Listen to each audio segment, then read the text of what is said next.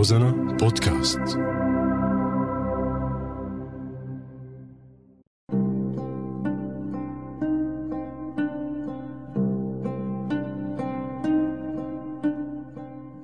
بعدك على بالي. لابس حزام ناشف لا بيقدم ولا بيأخر نحن الموجودين بالداخل داخلين على الله ما يعفطونا. واللي عايشين برا داخلين على الله ليرجعوا ويكحلوا عيونهم بشوفة هالبلد. البلد يلي طفشوا من ظلمة لأولادها. وأولادها اشتاقوا للظلم. لك نحن والظلم جيران.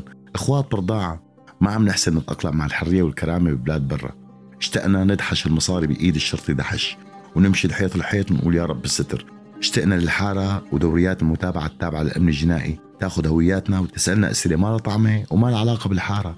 اشتقنا لبلدها اللي صار قليط بعهد الخالد. قليط يعني مي مالحة. ومالحة يعني مجاري.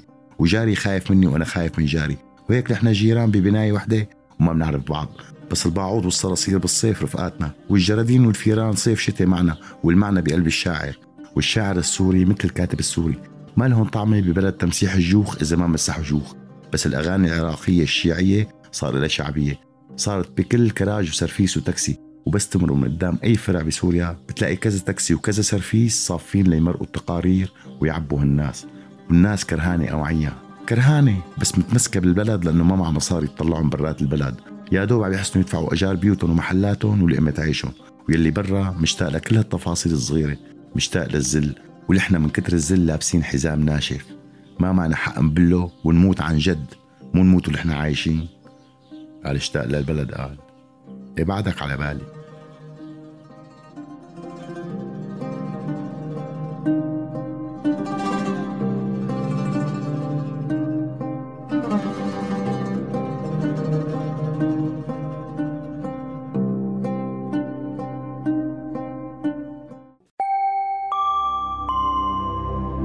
روزانا بودكاست